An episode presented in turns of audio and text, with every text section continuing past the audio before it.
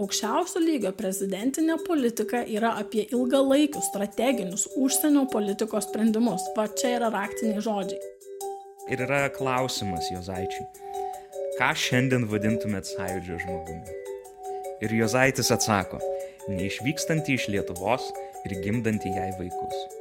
Tai jeigu, jeigu tokios pažiūros tave traukia, Sveiki įsijungę Nailo podcastą, jį kuria žurnalistų kolektyvas Nanuk. Šiandien dalinamės specialiu Nailo Update serijos epizodu skirtu prezidento rinkimams. Aš esu Karolis Višniauskas, gero klausimo.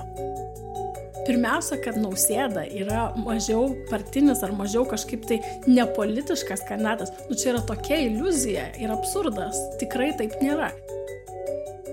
Podcastą išlaiko patys klausytojai per Patreon sistemą. Jis yra jau daugiau nei 300.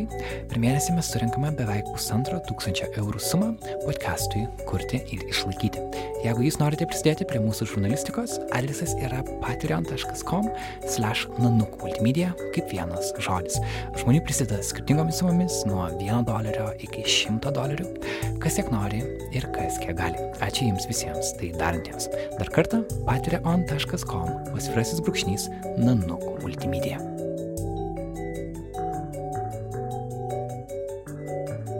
Update epizodus įrašinėjame kartu su Marylando universiteto mokslininkė, saugumo specialiste Eglė Murauskaitė ir nanų kolega multimedijų žurnalistu Karoliu Pilypu Liutkevičiumi.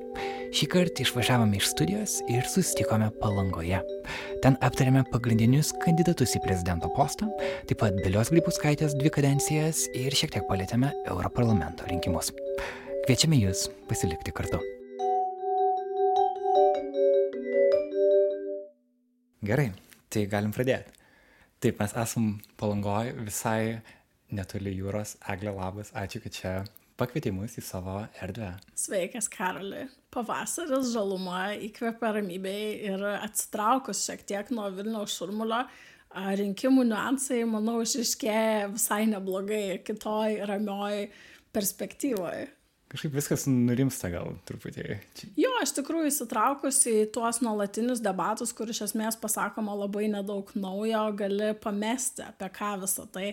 Tai tikiuosi mūsų pokalbis klausytojus gražins šiek tiek į konceptualesnę erdvę ir padės susivokti. na mano, kadangi aš vairavau šį kelią ir turėjau stebėti kelią, tai pa- pamačiau trys ar keturis Jozaičio plakatus ir ne vieną, ne vieno plakato kokio nors kito kandidato, tai kažkaip atitrūkti nuo rinkimų Nepavyko. nepavyko. Bet Aš jaučiuosi kaip tik į juos labai įtrauktas. Bet pajūris yra Jozaičio kraštas, ar ne? Ar jis nėra iš čia kilęs? Šiaip tai, vat, žinai, palangos pagrindiniai gatviai yra didžiulė skelbimų lenta, kur yra lygiai po vieną plakatą visiems kandidatams ir dar su kiaušiniais su Velykoms sveikinimas. Visako, viskas, ko reikia. Bet iš tikrųjų, dar vakar aš buvau Vilniuje, buvau kino teatre ir žiūrėjau filmą pavadinimu Valstybės paslaptis. Uh, naujas filmas apie Dalę Grybauskaitę, apie jos paskutinius dešimt metų valdymo Lietuvos.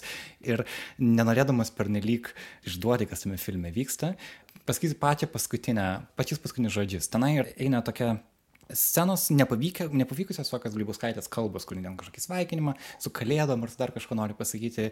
Ir tada jinai sako, kad maždaug, ai, gerai, paliekam šitą, geriau jau nebus. Ir filmas baigėsi. Jis tarsi perduoda žinę, kad geriau už Grybauskaitę irgi nebus. Ir aš tada galvoju, hm, iš ties, įdomus laikas, atėjo nauji rinkimai, tokių rinkimų, kokie bus dabar, nebuvo pastaros dešimt metų, nes realiai Grybauskaitės antra kadencija, kada buvo, visi tarsi žinojo, kad jį laimės ir vėl. Dabar kas laimės yra nežinoma, dėl to man yra įdomu. Kita vertus, aš nežinau, ar yra toks kandidatas, už kurį žmonės nuoširdžiai sirgtų, kad tas žmogus laimės ir kažkas Lietuva labai pasikeis. Kaip pavyzdžiui, buvo, prisimenu, kad buvo laukiama Obamos, tarkim, rinkimų JAV, tada atrodė, kad kažkas įvyks didelio. Net kada Trumpas kandidavo, irgi atrodė, kad įvyks kažkas didelio. Lietuvo šiuo metu atrodo, kad kažkas įvyks, bet iš esmės viskas bus taip pat. Ir kad geriau tarsi irgi nebus. Tokia, tokia, tokios nuotaikos ir aš galvoju, ar jūs irgi taip pačiai jaučiatės, ar jūs jaudina šitie prezidento rinkimai? Va ta paskutinė to filmo frazė labai apibūdina tą mano pojūtį, kad va, aš dėl to ir nenorėjau žiūrėti to filmo, e, nes kažkaip panašaus, panašaus tipažo, e, panašaus pobūdžio pasisakymų ir tikėjausi iš jo, turint omeny, kad e, Grybauskaitė pakankamai, pakankamai stipriai palaiko pulsą visų naujienų, kurios išeina apie ją, pakankamai daug kontrolės turi tam, tai kažko kito ir nesitikėjau dėl pačių rinkimų, aš nežinau, man labai įdomu stebėti, nes aš vis mažiau jaučiu kairės ir dešinės susiskaldimą. Aš vis matau, mažiau matau kairės ir dešinės.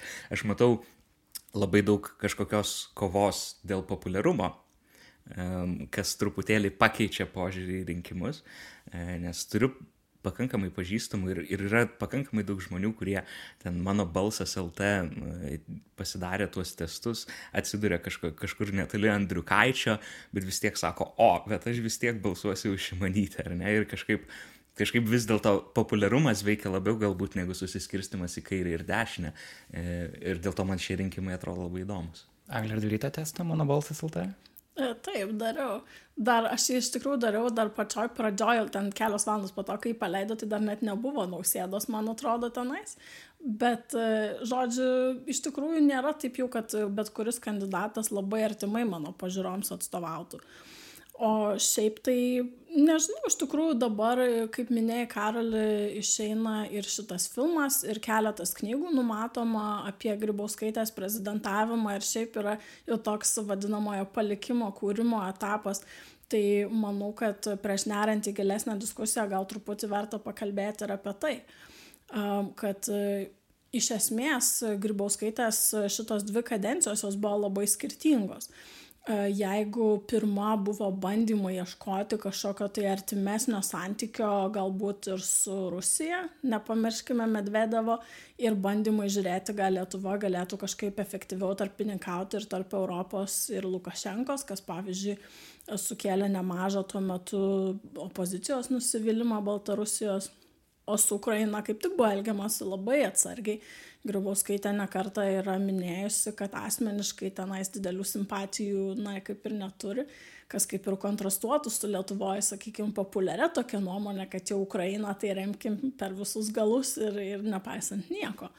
O kitas dalykas kad šiaip jau tos dvi kadencijos šiek tiek gal sušvelnino lietuvos sakykim tokį prieš tai gal buvusį praktiškai besąlygišką amerikos palaikymą. Aišku ir cžv kalėjimų istorija prisidėjo ir įvairiai vertinamas, sakykime, akibrokštas nevykti į Prahą, Grybauskaitę susitikti su Obama. Filme ten išteisina, filme viską išteisina. Visa, visa kritika Grybauskaitė yra pateikiama kaip pliusas. Bet apskritai, jeigu mes galvotume, kad nu, nuo Lietuvos nepriklausomybės atkūrimo nuo 90-ųjų metų buvo tokia kaip ir iš esmės kryptis, ką jau nežinau, turbūt visi žmonės dirbantys su krašto apsauga ir nu, pas mus labai susijus užsienio politika su krašto apsauga vis mini, kad reiškia, nu, Amerika tai pirma, mums vos net Trumpo šūkis tinka, ne America first, kad žodžiu mes, mes ten visus esam kiaušinius į jų krepšį sukrovę ir jau žodžiu, kaip tik mes prie jų prisimeilinsim ir konkrečiai prie respublikonų, tai jau viskas bus mums daug labiau. Ir žodžiu, stojame į NATO, stojame Europos Sąjungą, bet kažkaip vis tiek Amerika pirma. Ir realiai Grybauskaitė galbūt kažkiek sušvelnino tą poziciją ir pradėjo aktyviau vystyti diplomatiją su Vokietija. Mano nuomonė dar vis išlieka labai nesubalansuota Lietuvos e, užsienio politika Europos atžvilgių, tos mes vis tiek esam labai esmingai susimetę su amerikiečiais. Per mažai dėmesio yra skiriama tokiam šalim kaip Prancūzija, tai ypatingai. Bet ir su ta pačia Vokietija, tai dabar gaunasi irgi toks vos nebesąlygiškas palaikymas. Bet, va, jeigu galvant apie Ameriką, tai mes pamatėm tokį dalyką kaip e, gale jau Grybauskaitės kadencijos, kad buvo, nu, praktiškai jos iniciatyva atsitraukta nuo palaikymo Amerikos ambasadai Jeruzalėje, kas, aš manau, buvo labai drąsus žingsnis, mane, pažiūrėjus, stebino, kodėl Lietuva labiau nepalaiko Palestinos, ar ne? Tai va, jeigu apžvelgiant tą jos kadenciją užsienio politikos kryptimi, jeigu mes vat nuo to atsispiriant galvotume, kaip tu sakai, ar mes laukiam kažko naujo, tai aš manau, kad ne. Visai mes nelaukiam. Bet e, man tada kyla tokia mintis, e, vis tiek Lietuvos prezidento, nu kaip ir pirminė funkcija yra užsienio politika. Tai yra jo pirminė atsakomybė. Bet nėra aiškiai apibriešta nu, kokiu būdu jie pasidalina tą atsakomybę su užsienio reikalų ministerija. E, ten vienų prezidentų laikotarpiu labiau buvo, sakykime, užsienio reikalų ministerija formuoja darbo atvarkę, nes jie turi tų žinių ir turi ten personalą, nu, pažiūrėjau, Damkaus laiku, ar ne. O Grybauskaitės laiku buvo labiau, kad prezidentūra formuoja ir dažnai netgi, nu, nepritarė pozicijoms, kurias siūlo užsienio reikalų ministerija. Tai kadangi aš asmeniškai dabar iš visų kandidatų praktiškai matau tokį, kaip čia pasakyti, banerį, kad tęsim, kas daroma, esmingai labai nieko naujo niekas nesiūlo užsienio politikoje. Tai man tada kyla klausimas, kadangi mūsų geopolitinė situacija labai stipriai pasikeitė per tą dešimtmetį, kai Grybauskaitė valdė, ar neturi užsienio reikalų ministerija kokių nors pradėjusi tenai schemų ir planų, kad galbūt jie labiau imsis aktyvesnės tos užsienio politikos formavimo rolės ir kažkur ves kažkokia nauja kryptim nauja išrinktą prezidentą aktyviau. Tiesiog mes nieko apie tai nežinom. Tai aš nežinau, ar čia būtų gerai ar blogai, galbūt galima tikėtis daugiau kažkokio tai nuviešumo ar diskusijos, jeigu tos iniciatyvos ateina iš prezidentūros. E, bet e, faktas, kad Grybauskaitės prezidentavimo laikotarpiu vyko lūžis Ukrainoje, jis buvo atspindėtas, vyko tam tikri lūžiai saugumo paradigmos senato buvo atspindėti, bet ta politika, aš nežinau, ar mes galim su ja važiuoti ateinančius 5, 10, 20 metų, reikia galvoti apie kažką naujo ir aš to naujo negirdžiu. Kita vertus pagalvojus, gal ir gerai, kad Lietuvoje mes iš tų rinkimų, net jeigu, pažiūrėjau, išrinktų skvernelį, kažkaip netrodo, kad užsienio politikoje ar apskritai Lietuvos bendroji valstybės kryptyje kažkas labai keistus ir galbūt tai yra gerai, nes jeigu tu pažiūrė, ką nors ten Ukrainos situaciją, kur žinai išrenka štai komiką ir štai jums prašom kažkas visiškai naujo, JAV pavyzdys, štai išrinkime Trumpą, bus kažkas visiškai naujo. Tai, kad Lietuvoje mes matom, kad likti kažkaip visiškai naujo lyg ir nebus, gal tai yra gerai? Eglė paminėjo, kad kai jinai darė pirmas valandas mano balsas LT testą, nebuvo nausėdos. Nausėda perskaitė visų žmonių atsakymus ir po to jis pasirodė grinai per vidurį šimonytės ir skvernelio. Ir tas toks ne, nebuvimas kažkokios aiškios pozicijos, todėl man labai atlėpė, pavyzdžiui, Eglė kalbėjo apie tai, kad uh, užsienio reikalų ministerija irgi kažką verda. Ir galbūt pasižiūrėjus į, į tos dabartinius reitingų lyderius, užsienio reikalų ministerija atrodo kaip parankesni žmonės įtikinėti užsienio politikos klausimais, negu, pavyzdžiui, Grybauskaitė buvo. Jo, iš tikrųjų, aš manau, kad esminis punktas e, čia bus e, su asmenybė labiau susiję negu su turiniu. Taip, e, tu teisus, kad net ir tas pats kvernelis radikalių kažkokių reformų nesiūlo. Nors reikia paminėti, kad pavyzdžiui, jis, nu, man buvo netikėta, aš atsimenu tą jo viražą, kad norėtų artimesnių santykių su Rusija, savo vis dar, nežinau, čia. Taip, taip, taip, taigi kilo didžiulis skandalas, kai, bet čia buvo dar premjeravimo laikais, dar 18 gal metų pradžioje. Mhm. Ir labai jį tenais kalpavo už tą ir tada jisai labai stipriai sušvelnino savo pozicijas ir jau dabar debatuose jisai sako, kad norėtų santykių nebent techninių lygmenių bendradarbiavimo. Ir kad, žodžiu, kaip tik dabar skvernelis, ko gero, iš šitų kalbančių labiausiai proamerikietiškas yra. Ir pavyzdžiui, jo vizitas Izraelį, tai, nu, mano nuomonė, buvo, nu, didžiulė nesėkmė tiek užsienio politikos, bet va čia... Kuris skatino Lietuvą irgi perkelti ambasadą į Jeruzalę. Taip, ir pavyzdžiui, istoriškai, nu jau ir taip Lietuva, ES akise, tai yra laikoma, nu praktiškai pakalikė amerikiečių šitų vat Izraelio klausimų, nes visiškai išskirtinai nuo ES neremia visiškai palestiniečių, nepaisant to, kad, nu aš tai matau labai daug analogijų tarp Izraelio šitų nausėdijų politikos ir bandymo apgyventi ir taip tokios slinktinės okupacijos ir to, kas, pavyzdžiui, Sovietų sąjungos buvo daroma. Tai kaip Lietuva nemato, arba tiksliau, kaip nu, populiari nuomonė nėra atspindima politikos formavime jau tame ekspertinėme ligmenė, tai mane stebina. Bet Skvernelis buvo gal pirmas, kuris net nesusitiko su Palestinos lyderiais ta pati Grybauskaitė ir, ir Berots, jeigu neklystu, Brazauskas irgi, kurie ten Taip, labai rėmė, jie vis, tiek, jie vis tiek nors nominaliai susitikdavo kažkiek, tai, tai čia nuo akibrokštas buvo.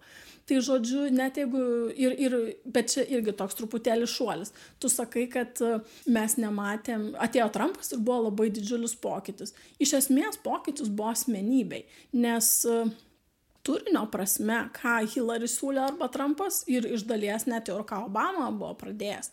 turinio prasme tai nėra tokio didelio pokyčio iš tikrųjų tiesiog tas turinys yra visiškai kitaip pristatomas tai yra nu tiesiog kitoks kitoks pozicionavimas tai nebuvo prieš tai nei taip agresyviai nei taip kažkaip tvirtai, taip su kumščiu stumiama į pro gerklę sąjungininkams.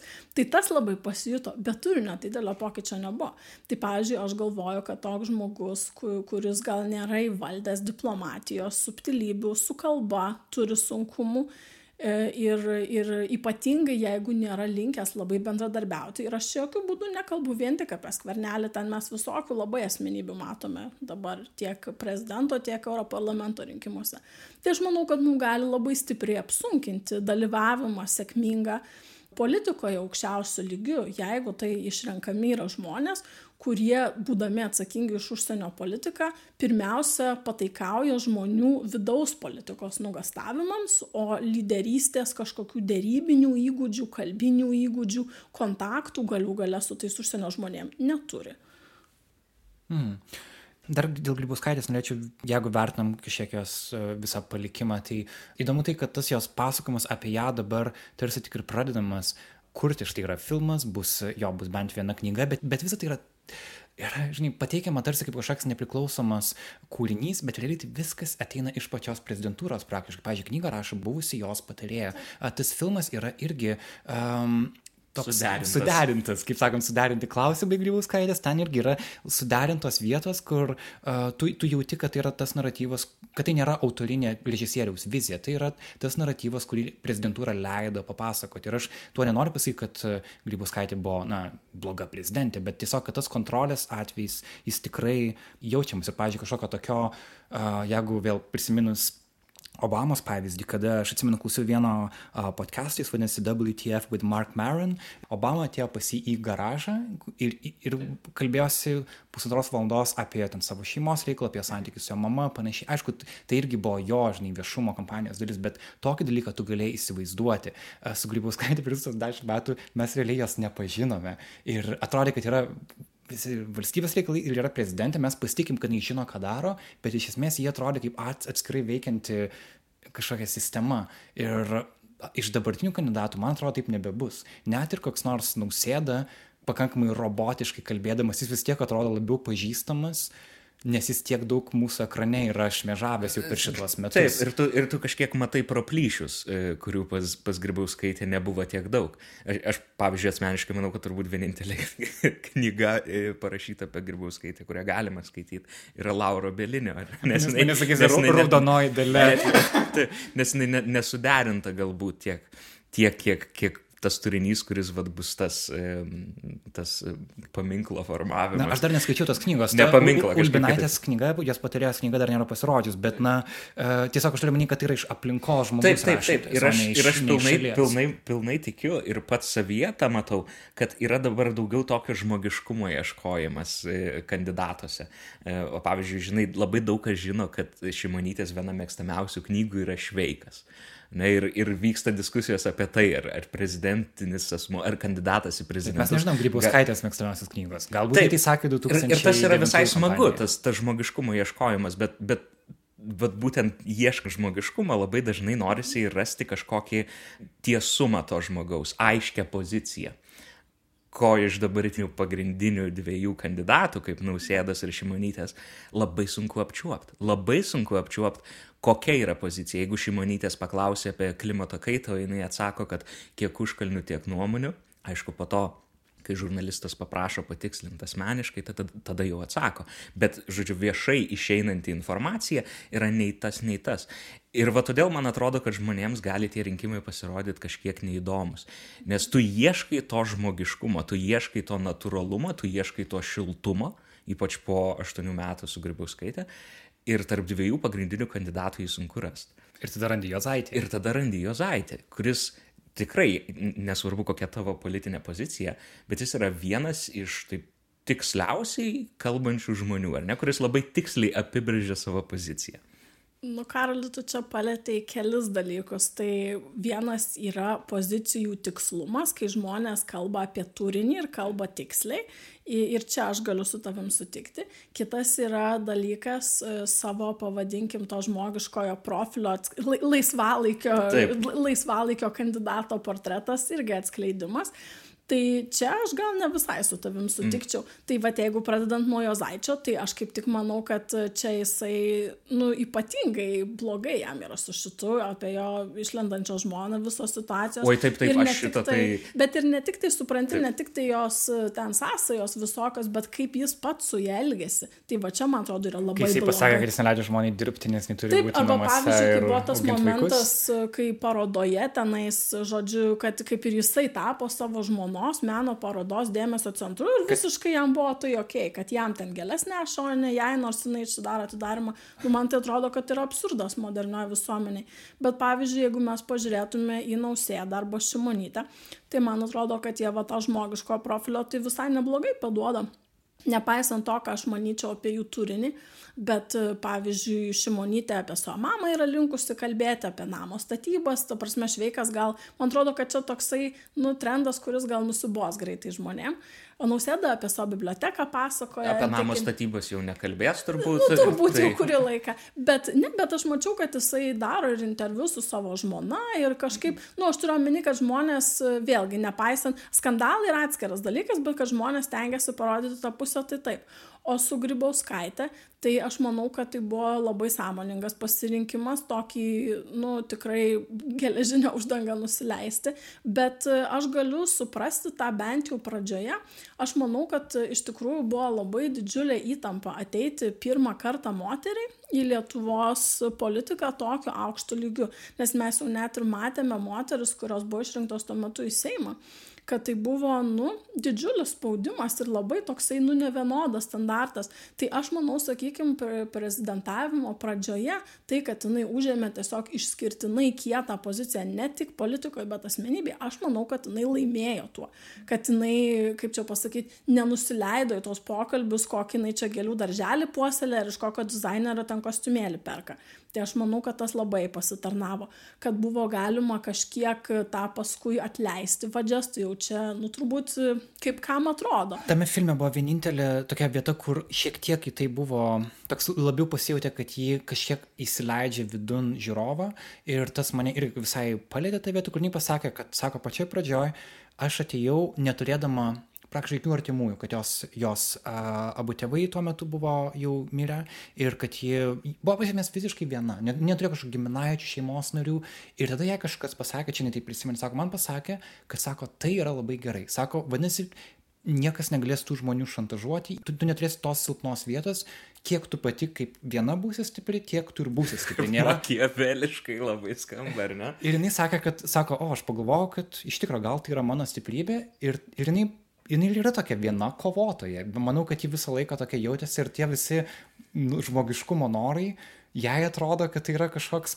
perteklinė energija išeikvota ne Man ten, atrodo, kur reikia. Tai atrodo kaip distrakcija, iš tikrųjų, ir aš galiu tą suprasti. Aš galiu suprasti, kodėl, pavyzdžiui, rinkėjų yra smalsu, įdomu, ten taip toliau. Bet, pavyzdžiui, aš asmeniškai tai jau verčiau nežinočiau, kokia paskainai kerpa plaukus, bet norėčiau, kad, nu, tarsi, negu kad turėčiau kandidatą, kuris dažnai, kaip, sakykime, Seimo klasikinių populizmų atveju yra prieš rinkimus prasivažiuoja pro visus rajonus, ten paglosto visiems vaikam galvą, saldainių pamėto, papasakojo, pasiselfina su visais ir žodžiu, nu, ta prasme, tokiu kažkaip labai neskaniai pračiažė. Aš jai šitą esu visiškai linkusi atleisti, nes aš manau, kad turinys pasė yra neblogas.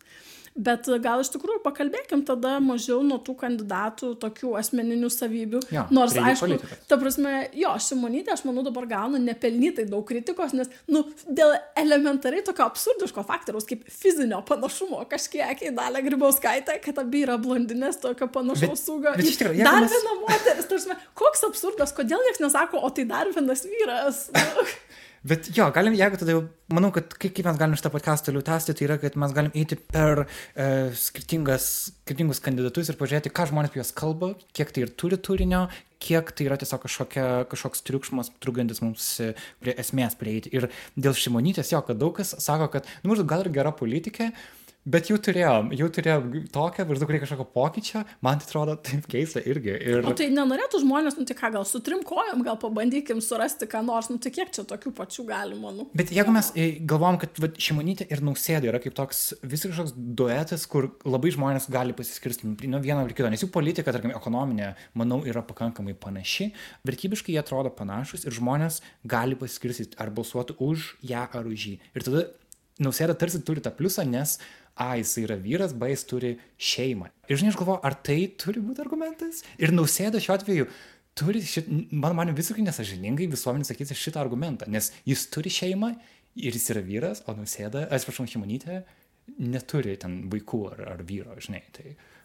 Ne, nu žinai, jeigu kultūriškai bandai visuomenę prifarširuoti 20 nepriklausomybės metų kokią svarbą turi šeimos vienetas, tra, standartinė šeimos vienetas, tai nu, natūralu, kad tokios atrugos e, galų gale iškyla kažkaip į paviršių.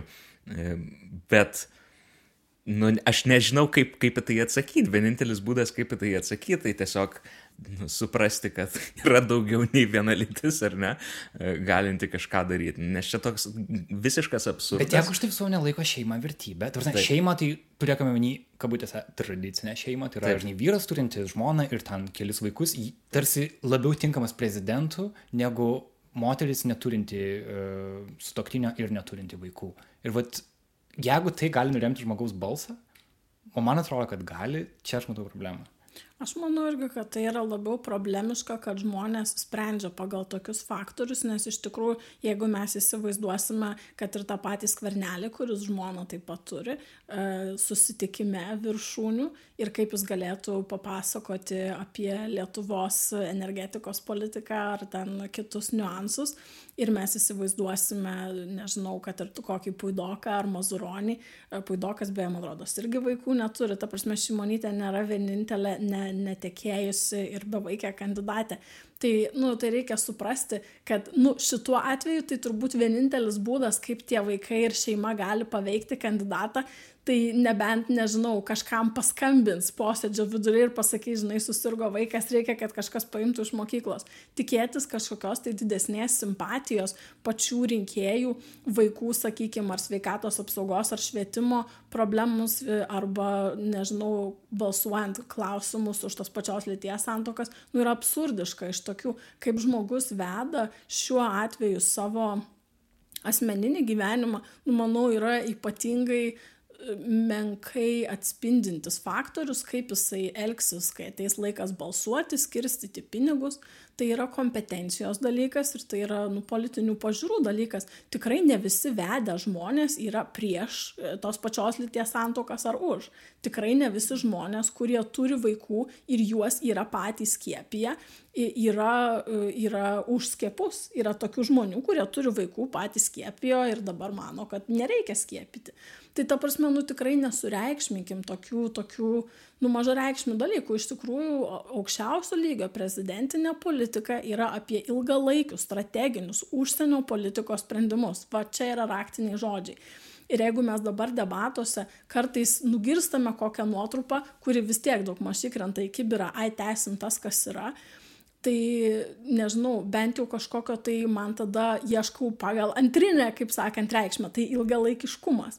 Ir tikrai, tarkim, kandidatai nu ne visi turi tą viziją. Mane, pavyzdžiui, šimonytės klausantis, kas gal drąsina, kad aš jeigu ne, ir ne visada sutinku su jos pozicijom arba taip, kaip jinai jas išreiškia, man labai patinka jos kontekstinis matymas. Jinai be kiekvieno klausimo pradeda nuo to, kad reiškia atsitraukim sekundėlę ar pažiūrėkim, kaip čia istoriškai yra, kur tas klausimas krenta kitose šalyse, kaip mes iki šiol darėm, kas bus, jeigu darysim taip arba kitaip. Tai, pavyzdžiui, pas kitus kandidatus, vat, sakykime, jeigu vat, lyginant su nausėda konkrečiai, tai ten kaip tik yra priešingas atvejis, neieškojimas konteksto ir žiūrėjimas, kaip čia priimti geriausią sprendimą, o tiesiog sėdėjimas lygiai per vidurį, kaip, kaip prieš tai minėjai, ar ne, kad, nu, net nebandymas rasti kažkokios tai pozicijos, o tiesiog, vat, iš kur papūs vėjas, tai lygiai per vidurį ir atsisėskim. Tai man tai netrodo, kad labai yra puikia pozicija tokia. Dar truputėlį galbūt aš galiu pridėti prie to, prie to klausimo apie, apie šeimą. Aš manau, kad iš tikrųjų kai kuriems žmonėms yra lengviau susitapatinti, kai jie, kai jie mato, ar ne, va, aš irgi turiu vaikų ir štai šis žmogus irgi turi vaikų, arba e, aš žinau tikrai, kad yra žmonių, kurie prižiūri savo senyvo amžiaus tėvus ir manau, kad, kad, kad šimonytė kalba apie tai atvirai, kad kalba atvirai apie savo mamą, jau yra didelis pliusas, vad būtent to susitapatinimo. E, bet ar šeima yra iš tikrųjų lemantis kriterijus tokiam postui, kuri, kuri, kuris, kurio pagrindinis e, darbas yra dirbti su užsienio politika, ką ir minėjo Eglė, tai aš labai abejoju. Mhm. Ir jeigu liekant dar prie klausimo Nausėda versus Šimonytė, įdomi kokia jūsų nuomonė. Aš dabar vis atsidarau Facebooką ir ten matau, kad vis daugiau draugų jau atvirai išreiškia palaikymą Ingridai, jie sako, už Ingridą įsideda tokia jos nuotrauka. Ir įdomu, kad daug tų draugų ateina iš tokios labiau a, kairės, liberalios pasaulė žiūros. Jie šiaip už, pažiūrėjau, konservatorių kandidatę nelabai balsuotų nes už konservatorius kaip partija nebalsuotų. Bet Šimonytė atrodo, jiems nėra konservatoriai. Jiems atrodo, šivonytė yra šivonytė. Kita vertus, kai pažiūriu, pavyzdžiui, kitus visuomenės sluoksnius, jie už šimonytę dėl to nebalsuos, nes jie vis tiek sako, bet jie vis tiek konservatoriai, kažkokia Landsbergio statytinė, jie tik įrankis konservatorių rankose, iš esmės toks požiūris yra. Taip pat įdomu, kad vieni linkia visiškai jos tą partinę priklausomybę nuimti iš šono ir galvoti, kad, ai, galbūt vienas konservatorius, bet iš tikrųjų jinai yra daug liberalesnė už nausėdą, kažkaip manau yra tiesa, o kitiems atrodo, kad ji vis tiek tu iš esmės balsuoji už konservatorę, o aš, pavyzdžiui, gal žmogus yra, kuris niekada nebalsuos už konservatorius, dėl to šimonytė, netgi būdama pakankamai progresyvi kandidatė, vis tiek tų žmonių akise lieka konservatorė. Ką jūs apie tai galvojat, ar tai ta partija jai pakenks. Ir kar kartais tu matai už jos akių, pavyzdžiui, toje, žinai, LRT debatus, pavyzdžiui, sėdi už jos komandos, tam, pavyzdžiui, koks Laurinas Kašiūnas, su kuriuo daugelis, žinai, nesutiktų žmonių su jo idėjom, bet jisai sėdi už jos, jis tarsi yra jos komanda, žinai, tai kiek tai yra rizika? Nu, iš tikrųjų, čia vėl reikėtų iš truputėlį kito galo pradėti, man atrodo pirmiausia kad nausėda yra mažiau par partinis ar mažiau kažkaip tai nepolitiškas kandidatas. Nu čia yra tokia iliuzija ir absurdas. Tikrai taip nėra. Kaip tik jisai yra daug labiau susijęs mano nuomone su verslo interesais ir jis to net per daug neslepia. Ir istoriškai jis yra labai glaudžiai susijęs su konservatorių daugybe veikėjų. Jeigu jisai ir nėra kaip sakant su bilietu partijos narys tai aš praktiškai sakyčiau kad jų susisaistymo lygis su konservatorių partija yra labai panašus. Tai jau jeigu čia yra jūsų sprendžiamasis faktorius, tai tikrai nu, nusibraukit šitą faktorių, pažiūrėkit giliau. Nu tikrai nereikia įsivaizduoti, tarsi pas jį su, su stambio verslo interesais yra labai glaudus ryšiai ir, ir ypatingai ir per tą bankinę veiklą. Ir aš manau, kad, pavyzdžiui, šitas kandidatas uh, būtų tikrai, nu, tokio stambiojo verslo lobizmų labai geroj pozicijoje užsiimti. Ir vėlgi, jisai tiesiogiai paklaustas, jis to visiškai neslepia ir kalba apie tai, kad mums to baidytis nereiktų. Tai, sakykime, čia vienas dalykas. E, ir man atrodo, kad jo pažiūros asmeniškai yra nu, išsakomos ar apie tos pačios lyties žmonių santokas, ar, ar apie, nežinau, e, ekonominius kai kurius dalykus, socialinės gerovės, um, apie, nu, iš tikrųjų yra daug artimesnės tam, kad deklaruoja konservatorių partiją ir, ir tas ypatingai toks konservatyvesnis jos sparnas. Tai čia apie beje debatuose su Jozaičiu, Delfi vyko debatai Jozaitis versus Nausėda, jis ten praktiškai dėl visko sutarė, kas vertybiškai yra. Ir, nu, ir, ir, ir jis pats pasakė, kad sako, aš, mes sako, nesam tokie tolimi, kaip čia mus bando pateikti. Taip, bet tai aš nematau, ko čia džiaugtis, ta prasme, Jozaitis yra... Mes dar pakalbėsim apie Jozaitį. Bet taip, taip, taip, man atrodo, kad va, tas solidus kostiumas ir bankinė praeitis, man atrodo, kad labai daug žmonių ta, tas apgauna. Kad jiems tai atrodo kaip žmogus, kuris tarsi yra yra kaip ir nepriklausomas, pakilęs virš šitos sisteminės politinės tai kovos. Švediškas bankas, Švedija taip, turi demokratijos. Taip, taip, taip. Tai yra, švediškai plauna pinigus. tai yra tokia iliuzija viešpatė. Ta prasme, tai, nu aš nežinau, aš nematau, kad tas žmogus turėtų ilgalaikį kažkokį įdirbį užsienio politikos klausimais. Kada jisai kalbėjo per pastarosius dešimt metų apie energetiką, kada jisai kalbėjo apie santykius, pavyzdžiui, su Vokietija dabar aš iš jo ką girdžiu tai kad e, jeigu aš nesuklysiu tai man atrodo yra labiausiai prokiniškas kandidatas kas mane asmeniškai gąsdina ir kai jo paklausia tiesiai tai žodžiu jisai sako kad e, saugumo kažkokių tai, nu, susirūpinimo aš ne, ne, nejaučiu, kad jeigu ateitų daugiau Kinijos į Lietuvos verslą ir kaip tik tą labai nori skatinti, kai jo paklausia apie žmonių teisės, jis sako, kad su Dalai Malma nesusitiktų ir žmogaus teisų, nu, jisai jas gerbė, bet gal nekeltų tų klausimų su Kinijos vadovais. Tai man atrodo, čia yra labai problemiška. Bet, bet, nemuškime mes į vienus vartus. Pavyzdžiui, pasižiūrėjus į šimonytę, man tai asmeniškai susidarė šiek tiek liūdnokas vaizdas, kai aš nuėjau į vieną iš susitikimų, kur jinai pristatinėjo pirmą kartą savo visą rinkiminę programą Rytų Europos studijų centre. Ir žodžiu, jinai kalba ir visa pirma eilė yra užimta Landsbergio Vytauto, Laurino Kašiūno, Kubiliaus Andraus ir kitų konservatorių partijos vyrų vidura, vidu, vidutinio amžiaus šulų. viduramžiškų, viduramžiškų vyrų. Ir žodžiu, ir, ir tai vienas dalykas, kad jie pritariamai jai linksi. Aš galiu suprasti partijos, kaip čia pasakyti, PR pointus, atsiųsti tuos didelio stoto žmonės, kad jie, kaip sakyti, solidžiau atrodytų. Bet kai jau baigėsi, eina į pabaigą klausimai, atsakymai ir jau jie pradeda pridėti nuo savęs į tai, ką Ingrida pasako, šokdami iš salės, nu čia tai man atrodo, kad jau yra, nu neturi tai būti. Tai aš kažkaip turiu tikėjimo, kad gal gal, nu, nebus taip, bet aš, aš nežinau iš tikrųjų, ant, kiek glaudžiai jinai derina savo pozicijas mhm. ir su tai žmonėm. Bet vat, šitas vaizdas, tai man tokia buvo pauzė gerokai, galvoju, dėl, kaip, kaip čia taip yra.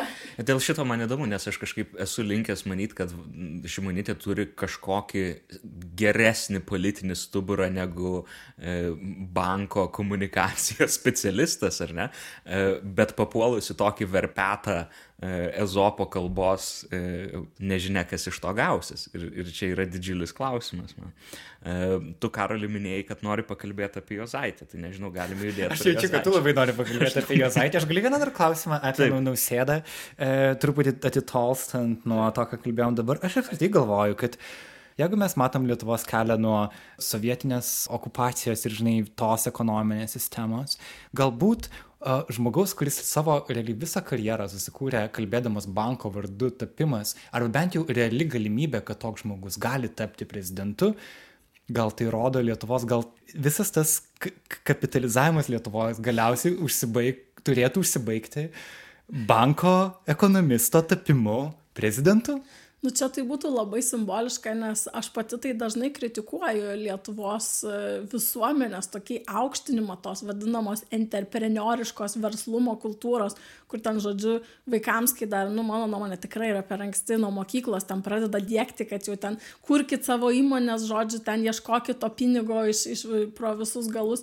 Ir kažkaip, jeigu galvojant apie, nu, mano laikais bent jau profesiniai pasirinkimai, kur buvo, skaitykime, prestižiniai, tai politikos mokslai ar sakykim valdymas ar viešasis administravimas nu nelabai papuola į tuos dalykus visą laiką. Buvo nu ekonomika ir gal teisė sakykim. Tai čia būtų labai tas vertybiškai taip tai būtų atspindys va to.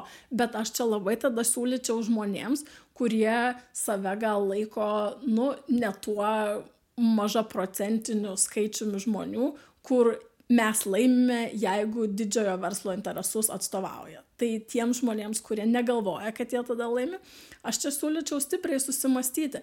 Tarsi, jeigu jūs vieną dieną svajojate būti milijonierius, bet dar nesate, tai pagalvokite, kad tokių, kurie jau yra, tai jų interesas yra apsisaugoti savo rinką. Likti milijonieriais. Taip, taip, taip, taip. Ir tik jau neplėsti kelią naujiems žmonėms, kad ten ateitų, tai jūs pagalvokite, su kuo šitas kandidatas yra jau susisaistęs, ne hipotetiškai, o dabar.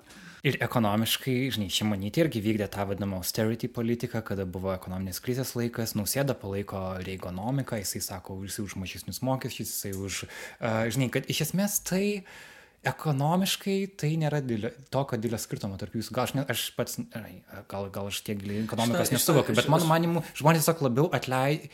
Šitas pasirinkimas realiai yra visiškai žmogaus teisų klausimas. Žmonėti pasakė, ne už partnerystę tos pačios lyties, nausėda tuo tarpu sako, tegul referendumų lietuvių žmonės nusprendžia, kas yra visiškai tokia čik čikeniška, višikiška pozicija, maždaug nesgi su nuomonės, jeigu žmonės nusprendžia, o mes žinom, ką žmonės galvoja šituo klausimu Lietuvoje. Tai žinai, tai realiai ekonomika jų siūloma, mano manimu, yra panaši. Aš irgi man, norėčiau gal eglė mus pataisys, bet vat, pasižiūrėjus ten, nes ten, kaip mano balsas LT yra pačių politikų atsakymai, kurie patys pa, pateikė komentarą tam tikrais klausimais.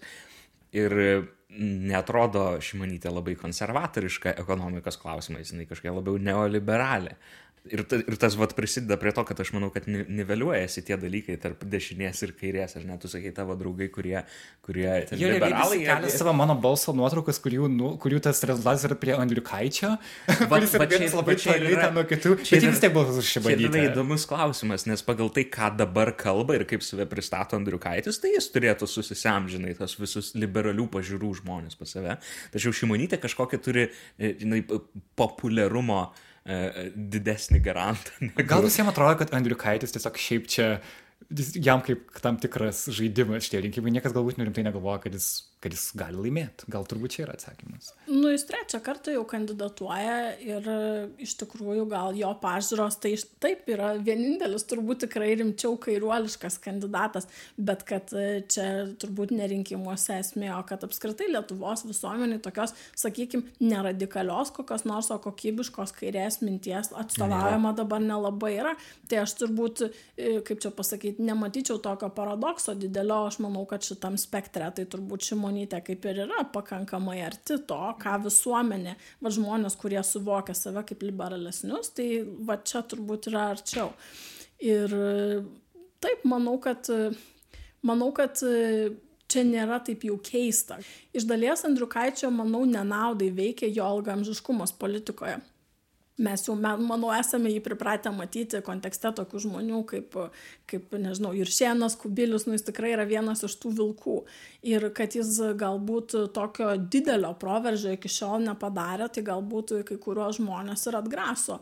Ar tiesiog gal, e, gal verčia abejoti jo galimybę įgyvendinti, veikti iš tikrųjų pagal tą programą, kurią jis pristato. E, nors ypatingai vat jaunųjų socialdemokratų, tokių kaip Paluskas, aš suprantu, jis palaikymą turi didelį ir, ir taip atrodo, kad netgi socialdemokratų partijos mašina visa buvo užsikūrusi e, apie jį ir dėl jo daug anksčiau negu jisai pats ir, ir geriau. Bet ar tai nėra tam tikra desperacija, nes atrodo, kad, žinai, mums reikia, kad socialdemokratam reikia surasti, surasti štai Europos komisijoje dirbantį žmogų, kuris nuo Lietuvos politikos yra atitolęs šiuo metu, nes ir kuris yra, kaip minėjau, jau daug metų politikoje, kad kažkokio jauno, žinai, naujo progresyvaus nu, taip, kandidato. Taip, galbūt norėtų nėra. kelti Palutską, bet jis dar neturi amžiaus, kad pasiektų tą cenzą prezidentinį. Ir tarkim, jeigu prisimėm praėjusius rinkimus, taigi antra, buvo antras turas ir jame buvo toks žmogus pavardė Balčytis, kuris e, iš visų atminties tiesiog dingo. Jisai buvo, social, buvo socialdemokratas antram turė, bet, žinai, atrodo, tai, kad per penkis metus neatsirado net artimas kandidatas iš kažkokios naujos e, socialdemokratų, žinai, politikų mhm. kartos. Nu, gal dar per, gal, gal per anksti dar to tikėtis, bet atrodo, kad jie, kaip panašiai kaip JAV demokratai, pavyzdžiui, griebėsi ten Bernie ir Bideno, žinai, atrodo, kad Lietuvos socialdemokratai, jeigu juos galima lyginti su, čia labai tolimas palyginimas. Žodžiu, bet iš esmės yra, yra tam tikra paralelė, ar ne? Žinai, jo, aš manau, kad tiesiog jiems dabar trūksta charizmatiško kandidato ir vad kai užauks Palutskas, tai mes turėsim bent jau rimtą pretendentą. Tai manau, kad, nu, jie tiesiog turbūt negali sauliaisti visai nedalyvauti. Ir aš manau, kad, nu, minimum tai yra labai gerai, kad kreipia šiek tiek bendrą diskursą labiau į tą pusę. Ir, ir kad, nu, kad neranda, neranda tie, sakykime, globalistai, liberalesnės pakraipos žmonės kito kandidato šiuo metu, tai, nu, turbūt gaila. Bet, bet sakykime, jeigu vat, nulipant nuo tos, nu, kaip aš įsivaizduoju, Vilniaus informacinio burbulo prieš priešos tarp nausėdos ir šimonytės, tai gal sekanti pakopa iš tikrųjų yra tada tarp Jozaičio ir Andriukaičio, kur žmonės tokie, nu, pakankamai seniai dalyvaujantis, daug kas juos žino ir gerbė, bet, nu, tokie su savotiškais kai kuriais išstojimais.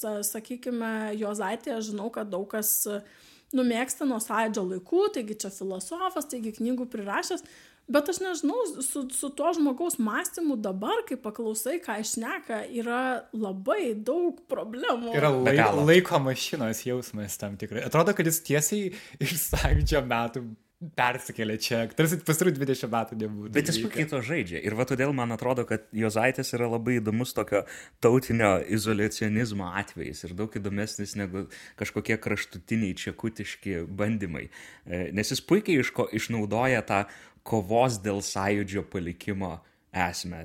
Kadangi pats 87 metais prie Adam Mickevič paminklo. Radžvilas Europos Taip, parlamente. taip, aš taip, taip taip. norėjau sakyti. Ir manau, tarp kitko, Jozaičiui sekasi geriau. Taip. Taip, taip, Joza- Jozaitis, Jo- Jozaitis kalba aiškiau kalba, trumpesniais sakiniais. Tai pliusas. Jis pats stovėjo prie Adomo Mickevičiaus paminklo, kur vyko tas pirmas sąjūdžio mitingas ir turi neblogą įvaizdį tų tokių senų sąjūdistų tarpe. E, Ir berots buvo savo namą žvėrynę davęs kaip pirmąjį būstinį iš to namo, ten buvo leidžiami, e, leidžiamas sąjūdžio žinių, e, sąjūdžio žinių laikraštis. Ir tai tiem žmonėms, kurie bando kažkaip nagais išsaugoti kažkokį sąjūdžio etniškumą, ne, e, kuris toli, toli gražu nebėra e, prioritetas konservatoriams, kurie kaip ir turėtų būti sąjūdžio e, palikimo pa- prižiūrėtojai. sąjūdžio aktyvistam, kurie ne- Jo. neėjo su Landsbergiu. Čia turbūt tai reikia pas- pa- Nu, pa- taip. pa- paakcentuoti. Ir jis pats pajutęs, kad, kad gali kaip ramsti naudoti visus kalbininkus, senus sąjudistus, kurie nepatenkinti konservatorių partiją ir kultūrininkus. Ant jų stato savo jau tas kelis kartus mėgintą ir jau girdėtą Lietuvos žadinimo kampaniją. E, Bet strategiškai jis su tokia mintimi eina truputėlį taktiškiau negu, pavyzdžiui, Kuolys iš, iš, iš drąsos kelio. Nes vietoje to, kad pradėtų e, tą žadinimą nuo rezonansinių naujienų apie mergaitės, jis taip labai, labai tiksliai bando e, pajungti selektyviai tuos rinkėjus. Nes pavyzdžiui, jo rinkiminis turas buvo faktiškai kelionės po kaimo bibliotekas, kur niekas nesilanko. Ir jis ten pristatinėjo savo knygą. Lik ir rinkiminė agitacija, bet lik ir ne. Ar net didesnėse miestuose pasirodė vadovų Leonido Donskio skaitykloje. Rašytojų sąjungoje pasirodė, pats priklauso rašytojų sąjungai. Rodo dėmesį, ta prasme, jisai rodo dėmesį visiems pavargusiems, pamirštiems, tokiems pasenusiems Tai taip, ir jiems, kultūrininkams. ir jiems tas labai patinka, aš Taip. taip. galiu įsivaizduoti, bet aš sakau, šitie žmonės, man atrodo, jie kartu su Juozaičiu bando užsiliuliuoti tuo, kas gal buvo kažkada ir va tuo prisiminimu taip. ir gyvena. O tai, kad pavyzdžiui dabar Juozaitis siūlo tokias įdomias idėjas, kaip pavyzdžiui, galbūt mums visai prie lito būtų neblogai grįžti, o palaukit, Oi, kur aš taip. tą jau girdėjau. Arba pavyzdžiui, o gal mums visai tiktų sąjunga su Latvija, nes žmogus šiaip turi, sąj- kaip čia pasakyti, Asmeninę simpatiją. sąjungą su Taip, taip, taip, taip. O gal, o gal tas Kaliningradas, klausykit, irgi netaip čia Nu, baisu. taip, ir- ir- Tai ir kažkaip žmonės, kurie va turi tas kažkokias, sakykime, save laiko intelektualais, ten prisimena galbūt savo jaunystę su entuzijazmu sąjūdžio laikais, jie kažkaip šitą atleidžia. Ir aš nesuprantu, kodėl. Ta prasme, nebus iš naujo sąjūdžio. Jis tikrai turi omeny tą, ką sako. Taip. Ir va, pavyzdžiui, jeigu pasižiūri jo draugus, tai jie irgi kažkokie tokie neaiškus kultūriniai šešėliukai, kurie vaikštinėja tarp, ant lyno tarp interesų konflikto ir kažkokio įtikimumo. Pavyzdžiui, vasario pirmą dieną Jozaitis organizavo konferenciją nacionalinėje bibliotekoje kartu su Alternative for Deutschland parlamentarais. Oi, taip, jis to jis neslėpė savo simpatijų. Ir, ir visą tą moderavo jo draugas Gintaras Songaila, kuris pats beje yra spaudos radio ir televizijos fondo direktorius. Tautininkų, tautininkų partijos. E. Bet man atrodo, pamirštami kažkokie keli pamatiniai dalykai su Jozaičiu. ne? Pamirštamas faktas, kad jis buvo ne, daugkartinis plaukimo čempionas e, sovietmečiu, kas reiškia, jog turėjo ištisai keliauti po užsienio valstybės. Ir kas taip pat reiškia tokį glaudų bendradarbiavimą su KGB, verbavimą, tie žmonės, kurie keliaudavo į užsienį, buvo ganėtinai gerai prižiūrimi. Um, tai aš abejoju, ar Jozaitis turėjo kažkokį psichologinį stuburą ten atsiremtiems dalykams. Ir... Čia gal yra, čia prielaidas, ar nežinai, koks jis sabo. Sabonis irgi buvo krepšininkas sovietų sąjungos Marčiulionis laikais. irgi jo. buvo, taip. Tai tu turi minėti, noriu pasakyti, kad tai likę kažkokio ryšiai simpatijos su Oi, Rusija. ne, tai, tai aš, aš, Kad jis ryšių ir simpatijų turi, tai čia faktas, bet gal ne visai, ne visai tik tai iš tos pusės. tai taip. Manęs visiškai, pavyzdžiui, nestebina faktas, kad net pačiame sąjūdyje dalis žmonių juo nepasitikėjo ir apibūdino kaip linkusi į ekstremizmą. Ir čia yra citata iš Ozolo dienoraščio apie, apie sąjūdį. Žinai, nes Jozaičiui nepatiko, kad sąjūdyje iškilo Landsbergis, kad sąjūdis ėmė natūraliai keistis iš susijėjimo į kažkokią politinę jėgą e, su Landsbergiu prieš akį būtent. O man asmeniškai daugiausia klausimų kelintis dalykas yra nu, tas, kad šiuo metu jau nedirbanti jo žmona, e, anksčiau dirbo tuometinio Rusijos karaliaučiaus ryties gubernatoriaus globojamo fondo vykdomąją direktorę. Ir Rusijos pilietybės atsisakė tą pačią dieną, kada Jozaitis pasakė, kad dalyvaus e, prezidento. Tai? Taip. Okay, iš tada žinau. Taip. Ir, ir tu gali ten strakaliot, kiek nori, sakant, kad čia vat, geras, melaširdingas fondas vaikams. E, nors puikiai galima suprasti, kad tokios struktūros Rusijai e, visiškai autonomiškai nuo valdžios retai kada veikia, ar ne? Nes dabar, va, pavyzdžiui, tą fondą perėmė, tą būt, būtent pareigas, Jozaičio žmonos perėmė tokia Jelena, kuri susijusi, nu, yra tokia Sergejaus Razdiviliuko žmona. Sergejus Razdiviliukas yra e, buvęs FSB karininkas, susijęs, e, įsivėlęs į didelius pinigų plovimo skandalus.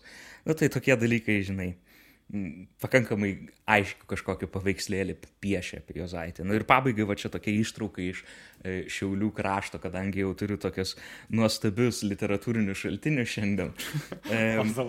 Ištrauka iš Šiaulių krašto. Na, ir, yra, ir yra klausimas Jozaičiui. Ką šiandien vadintumėt sąjūdžio žmogumi? Ir Jozaitis atsako, vienu sakiniu, labai aiškiai, neišvykstantį iš Lietuvos ir gimdantį jai vaikus. Tai jeigu, jeigu tokios pažiūros tave traukia, tai aš manau, čia yra kandidatas. Bet čia gimdantis vaikus, bet vyras, ar ne? Aš teisingai supratau. Aš nežinau. Bet tai yra jo atsakymas. Ir, ir jeigu tokios pažiūros įdomios, su tokiu žiupsneliu e, Rusijos prieskonio, na tai tada yra kandidatas jums taip. Nu, tylos pauzė, tylos minutė. Iš tikrųjų, jeigu mes 2019 metais dar turime tokį žmogų, kuris rimtai kandidatuoja ir ne tik kandidatuoja, bet ir ten, nežinau, gerą šimtą tūkstantį remėjų turi, tai nežinau, ką mes galim pasakyti, bet e, manau verta paminėti e, apie Jozaitį, baigiant ir turbūt einant prie likusio kandidatų, likusios kandidatų saujelės, kad išskyrus galbūt Šimonytę, Nausėdą ir Skvernelį, tai visi ir skaitant Jozaitį siūlo ieškoti dialogo su Rusija, artimesnio. Ir čia, nu nežinau, turbūt kiekvienas gali pasidaryti savo išvadas, nes aš žinau, kad Lietuvoje yra nemaža dalis žmonių, kurie galvoja, kad Lietuvos agresyvi politika Rusijos atžvilgių, ypatingai Rusijos agresijos Ukraino atžvilgių, kad jinai iš tikrųjų ta politika Lietuvos kelia įtampas su Rusija, tarp Rusijos ir vakarų kelia įtampas ir jie norėtų matyti sušvelintą Lietuvos požiūrį, tai manęs nestebino, kodėl praktiškai e, sakymas, kad mes išliksime griežti Rusijai, yra labiau išimtis ir kodėl tiek daug kandidatų sako, kad reikėtų ieškoti su Rusija dialogo.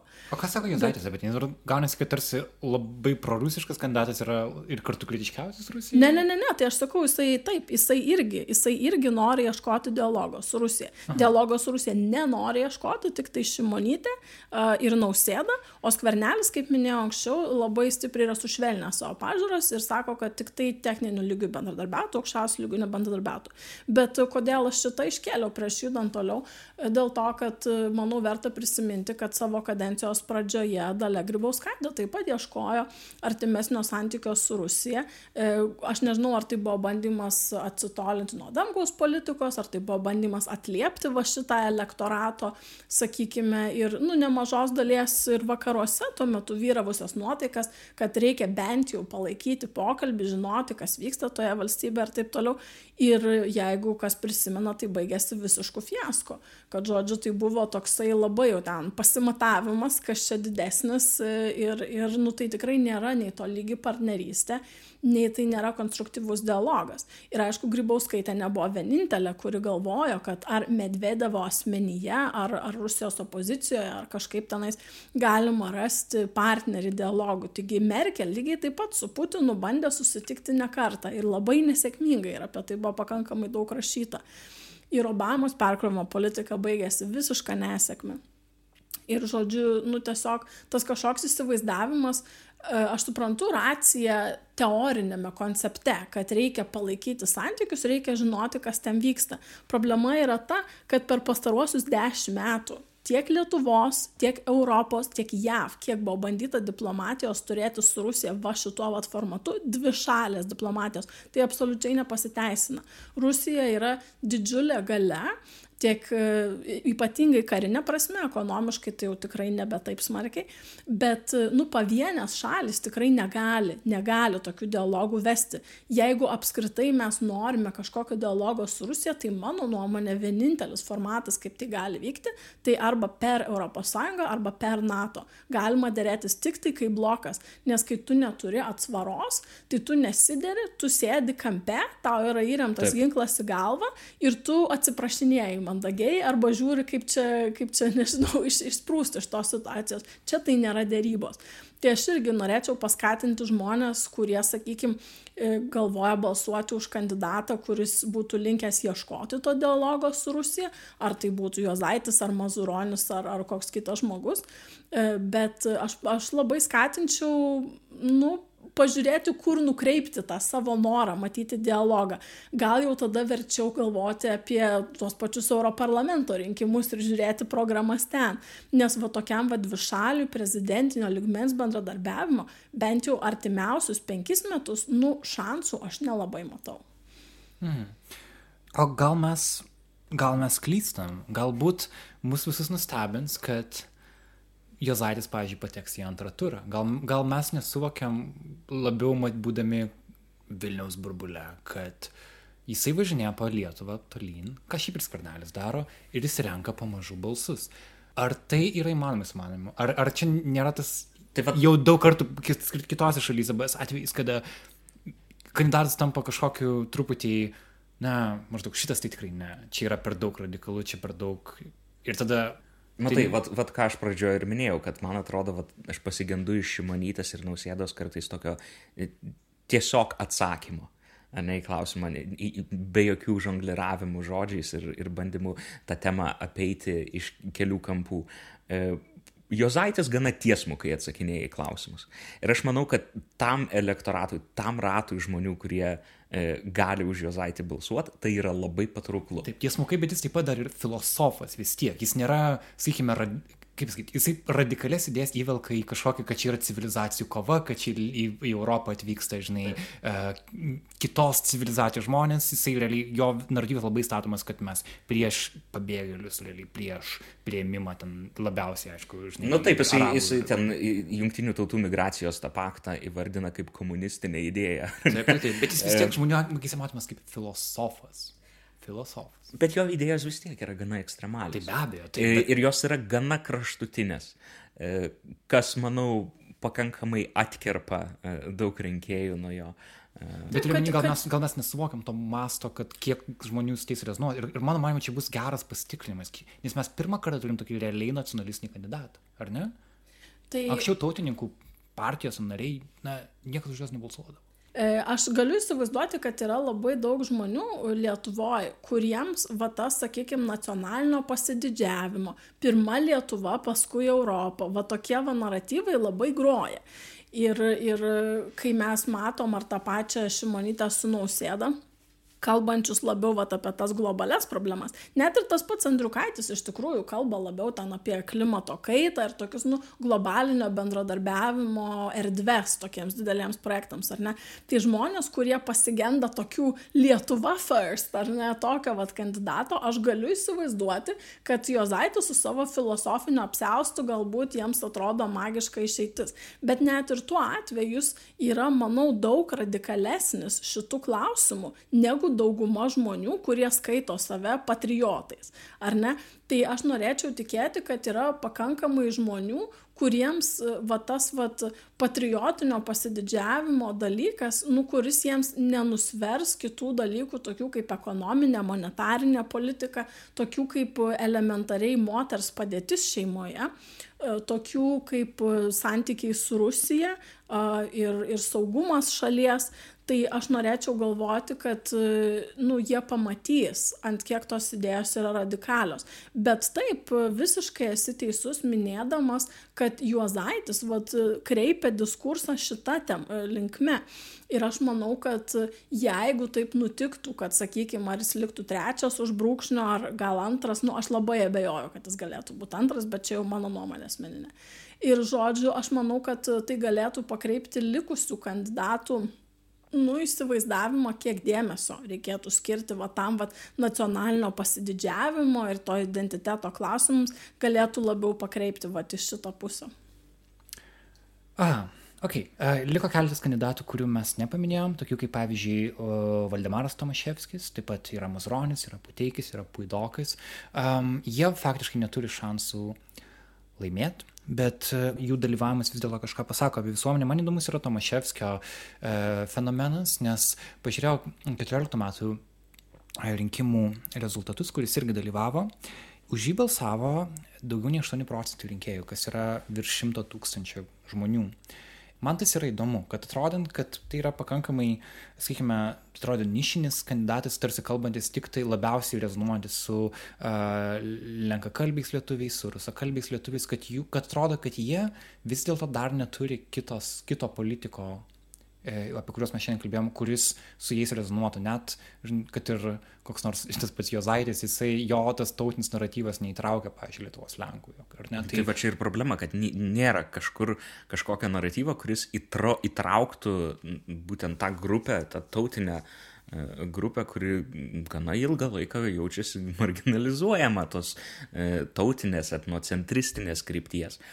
Ir liūdna, kad e, atsiranda tik Tomaševskis. Ir aš manau, kad didžiai daliai e, lenkakalbių taip pat Tomaševskis nėra labai simpatiškas asmuo, bet jis atstovauja jų interesus. Ne, ir tai, tai jau pritraukia balsuoti už jį.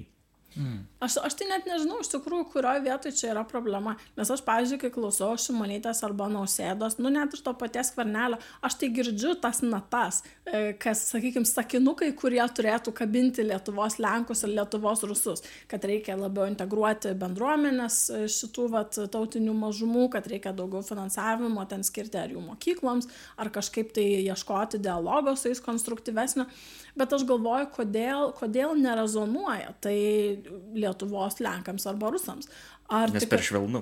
Jo ar per švelnu ar tai yra tai kad tie kandidatai nenuvažiuoja susitikti su tuo elektoratu ar ar užgožia kaip čia pas vat apie ką anksčiau minėjom ką tik tos nacionalinės žinutės poreikis. Ta prasme kur čia yra šuo pakastas kad nėra tos tautinės vienybės o aš tai dar manau kad reikia paminėti kitą kandidatą. Iš tikrųjų kaip čia mes pamiršom kai pradėjai kalbėti apie tas vat nacionalizmo pažiūras taigi yra valentinas mazuronis apie kurį valstybinis tautos frontas yra sudėjęs tą gerą dainą kur nu ne, tai. vieną kartą išgirdęs negali atgirdėti bet tai aš, aš tai, taip apie gita, git, gitarą tą dainą irgi esu išgirdęs. Bet žodžiu tai jisai pradėjęs su liberalais tapo vienu aršiausių paksistų ir dabar kandidatuoja ir su labai stipriai nacionalistine programa Mm. Tai aš visai nenustepčiau, jeigu vad žmonių, kuriems atrodo Juozaitis, kad nepakankamai radikalus, manau, kad dalį elektorato nugrieps Mazuronis.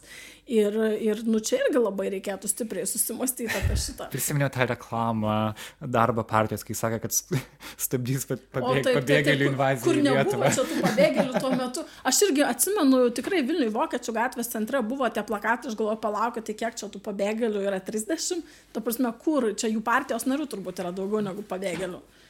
Tai baigiantis to nacionalizmo klausimu, ar ne, aš manau, kad e, Lietuva šiuo metu iš tikrųjų yra, nu, kryškeliai pakankamai tokioj kur ta nacionalinė tapatybė, mes jau esam tikrai ne vienam epizode kalbėję apie šitus dalykus, ar ne, kad ir šimtmečiui artėjant mes labai skaudžiai tos tapatybės ieškojom ten visur, nuo krepšinio iki gintarų, iki ten cepelinų, nežinau. Istorinių filmų. Taip, taip, ir liudo mažylio ir viso kito, ir, nu, kažkaip maž, mažai yra tų dalykų, kurie mus sieja, ir tada mes turim, nu, daug problemų iš tos pusės, kad yra daug žmonių, kurie šitoj dabartiniai apibriešty savęs neranda ir tada ieško kažkokių sprendimų, kurie veda į ekstremumą.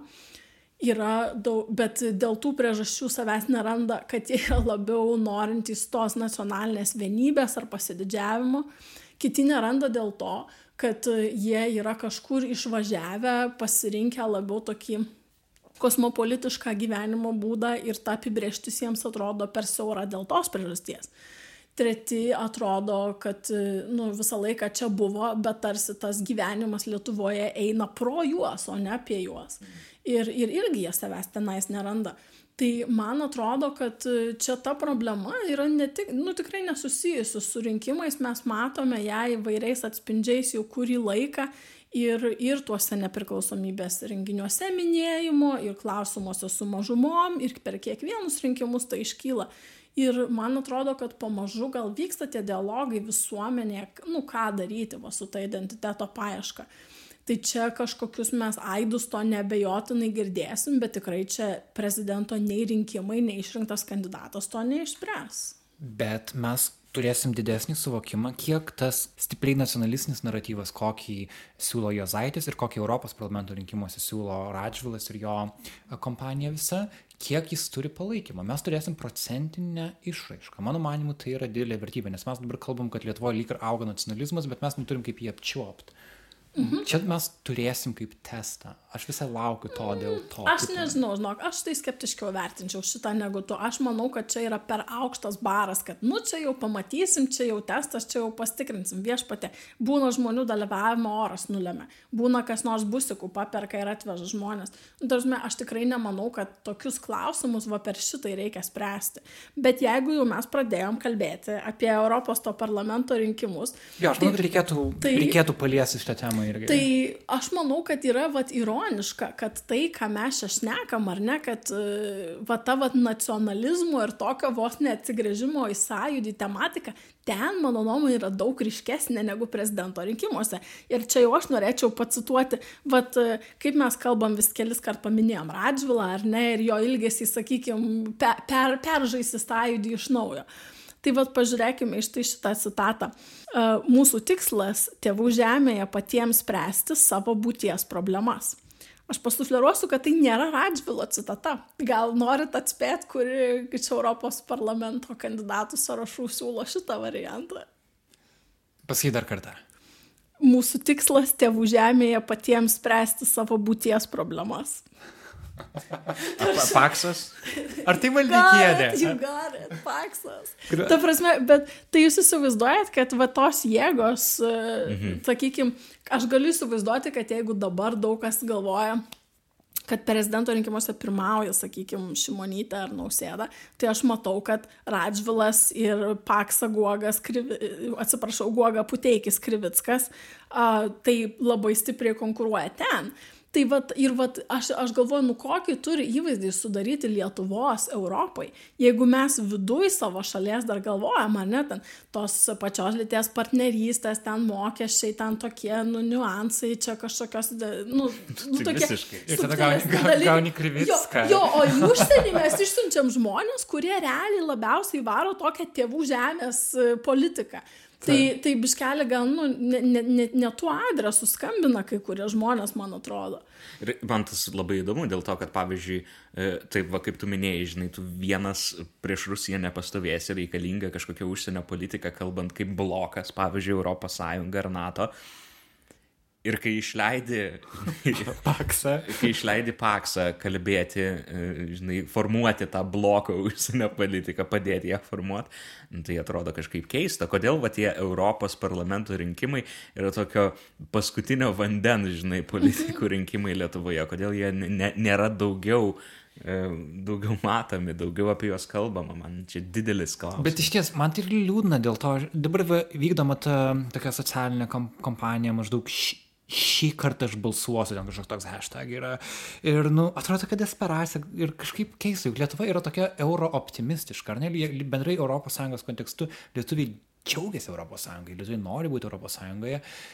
Bet kai eina Europos parlamento rinkimų klausimai, vyksta kažkaip, nu, atrodo kaip nepavykęs projektas, kad vat, euro integracijos procese tas pavyko, tas pavyko, bet suvokti save ne tik kaip ES paramos pinigų pasėmėjus, bet kaip ir politikos vykdytojus lietuviam vis dar nepavyko. Mano tokia išvada. Va, va čia ir yra, aš kartais iš tų euroskeptikų aš girdžiu tą balsą, ar ne, kad na, mes neturim įtakos, mes maži, mūsų balsą negirdi, žinai, ir tada išrenki kažką, kas rėkia, kaip guoga, žinai, ir kažką, kas didesnis, kaip guoga, e, ir tada pamatys, ar ne, ir tada išgirs. Ar, ar čia tiesa? Man nu, atrodo, ne, ne, to, ne, tokia form, ne tokiu formatu reikia kalbėti. Aš tai manau, kad kas atgraso žmonės nuo visko, kas yra Europos komisija, Europos parlamentas ir daugumo Europos Sąjunga, nu gal išskyrus paramos pinigus. Biurokratija. Taip, taip, technokratija, kad tai yra gana komplikuoti procesai, kuriuos reikia išmanyti. Ir čia nu kaip, aš nesu šitos ryties specialistas, tai gal koks nors Arnoldas Pranskevičius nusirautų plaukus, kai girdi mane šitaip sakant, bet man iš tikrųjų atrodo, kad Europos parlamente, tai, nu, ką mes išsirenkam ir į kokius žmonės mes taikom, kad tai yra, nu, nėra labai užsienio politika. Tai gal labiau, tai nėra mūsų užsienio politikos tesinys, o labiau mūsų ekonominės ir socialinės politikos tesinys. Tai ten nelabai yra, nu, tos metai taip yra tokių klausimų, kaip ten ar, ar Rusijai sankcijas taikyti, ar ten žinai, ką daryti su Ukraina. Iš tos pusės taip. Bet ten yra daug labiau sprendžiami tokie klausimai, kurie turi nu, tiesioginę, e, tiesioginę reikšmę mūsų ūkio valdymui. Kaip čia besiruošiant šitam epizodui buvo pastebėjimai iš namų komandos, kad, pavyzdžiui, Lukas Ramonas labai gerų pavyzdžių pa, pažiūrė, ką daro ta, ta Europos išrinktieji tie atstovai. Tai, sakykime, mažinimas telekomunikacijos tarifų, kurį išvykę į užsienio atostogų visi iškart pajaučia susitarimai dėl reguliavimo vežėjams, kurį mūsų ūkis ir surenkami mokesčiai labai staigiai pasijaučia, ar ne? Tai, nu, užsienio reikalų ministerija negalvoja, kaip čia padaryti, kad, žinai, jeigu turi ežio planą išvažiavęs į Vokietiją, tiek pat mokėtų. Yra biškai strateginio lygio klausimai kiti. Tai, žodžiu, ir, ir dėl to man atrodo, nėra supratimo Lietuvos rinkėjų tarpe, ką tikrai daro tie parlamento atstovai, kodėl ten reikia rinkti. Tai bet jeigu jie suvoktų, kad, sakykim, va, jeigu mes dabar kritikuojam skvernelį, kaip jisai ten kažkatapinas beros buvo surašęs, kad labai didelė dalis jo pažadų, ten apie pensijas, apie... 300 eurų pensiją. Taip, taip, taip, taip, taip, kad visa tai yra vidaus politikų klausimas, kurių nesprendžia prezidentas, sprendžia premjeras, tai vėl ne tuo adresu skambinam, nors rinkėjai tas kažkodėl, nežinau, negroja. Paradoksas. Bet tai va, pavyzdžiui, šitie klausimai yra tokie klausimai, kur Europos parlamentas tau galėtų kažką nuspręsti spręst. Jeigu yra balsuojama už tai, kaip ten skirstyti socialinės garantijas, ar, ar tartis dėl kažkokio tai bendro minimalaus atlyginimo, ar valandinio, ar ten, sakykime, nu, įvairių nutarimų, kurie tiesiogiai reguliuoja darbo santykius, kaip tave gali atleisti, e, kur to mokesčius mokėti, kurioje šalyje, e, pensijų fondus kaip valdyti. Nu tai va čia, va čia tai turėtų rūpėti rinkėjai. Ir, ir jeigu daugeliu atveju vat, prezidento rinkimuose tokie vidaus politikos klausimai yra grinas populizmas, nes nu neturi jie tos galios, tai aš nesuprantu, kodėl Europos parlamento rinkimuose mes šitų klausimų negirdim. Nes vat, kažkaip man rodo, kad žmonėse yra tas įsivaizdavimas, kad ten Bruselis, ten vat, kažkokie užsienio politikos. Ne, čia va tokie dalykai sprendžiasi. Tai man rodos, Man, pavyzdžiui, atrodo iš dabar tų kandidatų, kur, kur dabar, kas, kas kandidatuoja, tai, pavyzdžiui, Maldykienė, man atrodo, labai neblogai išmano va šitą va technokratinę pusę ir garsiai reikia, tiem, kas patinka garsiai reikia, tai jau aš tada sakyčiau, va čia jūsų kandidatas. Bet, ne, nu, bet tikrai jinai labai blaiviai, jinai suvokia, kaip tie procesai veikia. Tai, pavyzdžiui, jeigu Radžvilas, ten ką aš apie jį šiaip galiu manyti ir jo teorijos, tai čia yra atskira kalba, bet va šitas žmogus, man rodos, irgi visai ne tuo adresu suskambina. Ta prasme, jo, jo visos idėjos yra kaip peržaisti sąjūdį. Tai, nu, ne, ne Europos parlamente tos dalykus reikia spręsti. Ir va šitas žmogus, tai man atrodo, nu, nėra iš tų, kurie išmanytų ar komandoje turėtų žmonių, kurie išmanytų grinai tuos techninius, procedūrinius klausimus. O tu manai, to nesuvokia, kodėl tu ten eina apskritai? Aš nežinau, gal čia kažkoks pasibandymas prieš sekančius Seimo rinkimus, gal prie kokios partijos prisijungti, bet tikrai tiek, tiek Jurga Lago, tiek, tiek kiti žmonės jo komandoje, nu aš nematau techninės ekspertizės. Ten mokesčių klausimai klausimais, socialinės apsaugos klausimais, tai yra tokie strateginio ligmens pamastymai, kaip čia būtų geriau. Nu, sakykime, aš va gal vieną punktą mačiau iš jo, kad irgi siūloma, kad jis tai įvardina žodžiais e, atskira monetarinė politika, nu kas realiai irgi reiškia susigražinkim litą nu, aš nežinau, ar čia Lietuvos ekonomikai nuo to būtų labai gerai. Bet, bet vat, esmė, kad žmonės irgi, kaip su Jozaičiu, sako, o, filosofas, gal kažkam dėstė, yra simpatijų, gal vat, su sąjūdžiu kažkam yra simpatijų. nu, suvalgys jį gyvą tenais e, eurotechnokratų procese. Tai aš tai sakyčiau žmonėms, kurie vat remia šitą koaliciją, tai jūs palaukit, kol jie kandidatuos kur nors kitur. Nes jeigu jums net ir šiaip asmeniškai labai patinka Radžvilas, jūs jį labai gerbėte ir žavitės, nu, Europos parlamente nėra, man atrodo, jam sėkmės kelias. Taip kaip jis veikia, taip kaip jis kalba ir, ir kokiam, nu, kokiam lygmenį tiesiog jis dėsto savo idėjas. Jo, ok, tai ar mes prognozuojam, kas laimės? Už ką balsuosit? Čia paslaptis, mes to neprivalom, neprivalom, neprivalom deklaruoti. Aš manau, kad svarbiausia yra balsuoti šituo atveju. Vienintelis gal sakyčiau kur tą dėčiau tokį klaustuką tai vat su referendumu nes mes čia turim keletą dalykų ar ne? Turim prezidento rinkimus pirmasis turas kai bus kartu pateikiamas referendumo dėl pilietybės nepraradimo lapelis ir turėsime antrąjį turą manyčiau kai bus pateikiamas lapelis su europarlamento rinkimais tai man asmeniškai sakykim ką daryti su prezidento ir europarlamento rinkimais aš gal jau susidariau nuomonę. Bet vat su referendumu aš manau kad yra labai problemiška vien dėl to kaip yra formuluojami klausimai. Čia aš nežinau aš beveik patarčiau žmonėms gadinti biuletenį šitoj vietoj nekonstruktyviai nes nu man atrodo labai yra prastai parengta tiek klausimas tiek kampanija.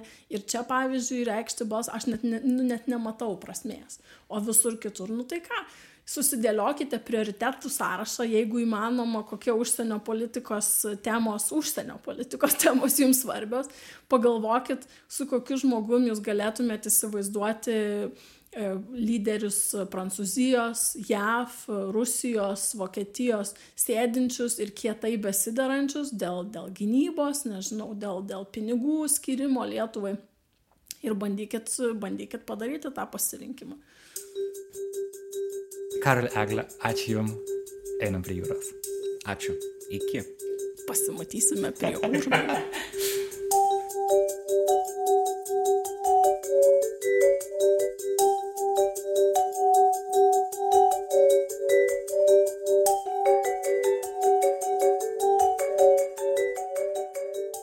Toks mūsų epizodas šiandien. Ačiū, kad buvote kartu. Prezidento rinkimų iš ankstinis balsavimas jau prasidėjo, o didžioji rinkimų diena yra gegužės 12. Europarlamento rinkimai ir galimai antrasis prezidento rinkimų turas įvyks gegužės 26. Šiame epizode kalbėjo Marylando universiteto vyrmokslininkė Eglė Murauskaitė ir Nanuk multimedijų žurnalistas Karolis Pilypas Liutkevičius. Epizodą vedžiau ir redagavau aš Karolis Višniauskas. Muziką epizodui kūrė Martinas Gailius, o įrašo garsą dailino garso režisierė Kata Bitoft. Mano studijinį balsą įrašome podcast'o partnerių nacionalinės Martino Mažvido bibliotekos studijoje. Iliustraciją šiam epizodui piešė Salvija Vaičiakonytė. Pamatykite ją Nile.lt arba Nanuk Instagrame. Podcastą kūrėme savo jėgomis, be investuotojų ar verslo užnugario, tad dar kartą priminsiu, kad jeigu norite prisidėti prie podcast'o kūrimo, adresas yra patreon.com slash nanukmultimedia. Mūsų 100 dolerių patronai yra Blossom Wood Foundation ir Benedikto Gylio paramos fondas. Nailo podcastą kuria žurnalistų kolektyvas Nanuk. Sustikime kitą savaitę.